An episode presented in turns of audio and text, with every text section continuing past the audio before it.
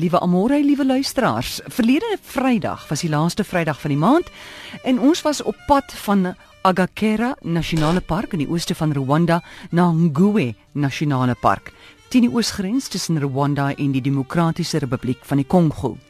Elke jaar vergesel ek 'n Live a Journey toer na hierdie lieflike land vasgevang in die lowerhart van Sentraal-Afrika.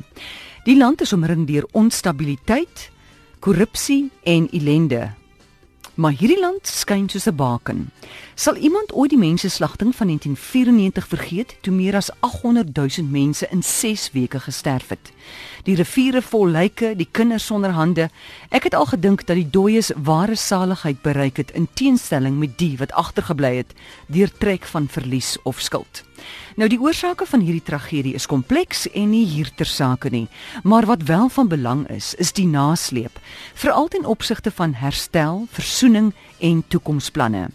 Een figuur troon natuurlik uit in die na 94 slagting. Dis president Paul Kagame wat in 2000 president geword het.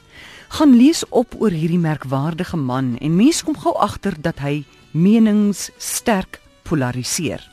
Diktator is die eerste woord wat mens hoor en lees. En sou mens die definisie slaaf toepas, is Kakame 'n diktator. Absoluut in beheer oor elke aspek van sy land en 'n onwrikbare visie vir die toekoms is die kenmerke van hierdie man wat sekerlik nooit slaap nie. Maar kom ons kyk wat sy greep aan hierdie land gedoen het. Dis absoluut verstommend om te sien hoe gelukkig, tevrede en lojaal almal voorkom. Alhoewel mense sekere dieselfde kan sê van geskiedkundige diktatorskappe in hulle groeifases. Tog die mees opvallende kenmerk is mense se afstand van hulle etniese oorsprong en die nuwe nasionale trots gebaseer op Rwandese nasionalisme.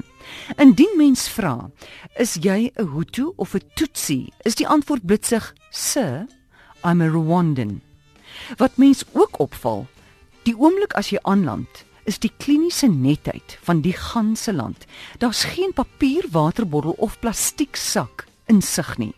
Padrandte is omsoom met netjiese waterslote en dan 'n netjiese heining of kortgesnyde grasperk.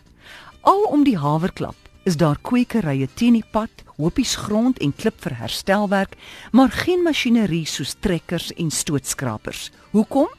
Want elke ontwikkeling en instandhouding is ontwerp om die maksimum aantal mense te bereik.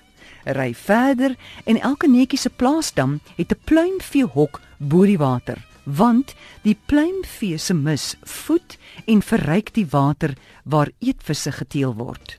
Jong, net waar jy kyk, word die allerbeste kultivars van koffie, tee en rys aangeplant, want Rwanda het besluit om 'n betroubare en kwaliteitbron van hierdie strategiese kommoditeite te word.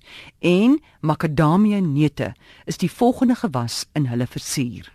Maar die kenmerk van al hierdie groei en ontwikkeling is die teenwoordigheid van die mensehand, die hand wat spit plant snoei en oes.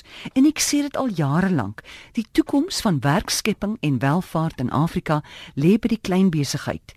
Der duisende van hulle in plaas van magtige multinasjonale korporasies. Maar kom ons keer terug na verlede Vrydag.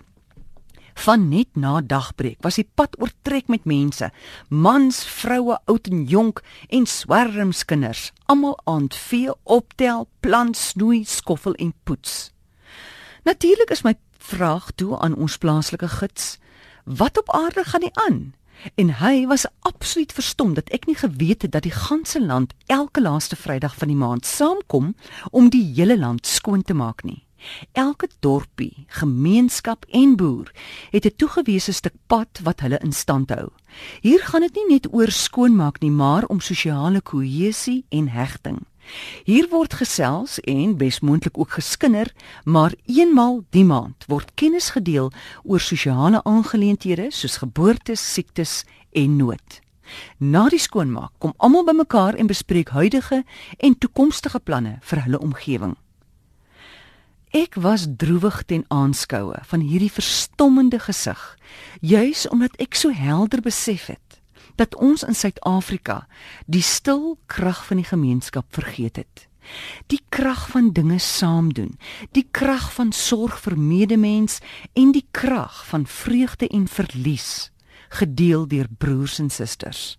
Ag en ek hoop uit my hart uit dat Paul Kagame sagkens deur die geskiedenis geoordeel sal word en dat sy merkwaardige leierskap sal aanhou goed doen. Dis my hoop omdat ons sogenaamde demokrasie in Suid-Afrika en elders droewig en skandelik misluk. Liefde Dave Peppler. Jy kan hom gerus volg op sy Facebookblad of besoek Live the Journey by livethejourney.co.za.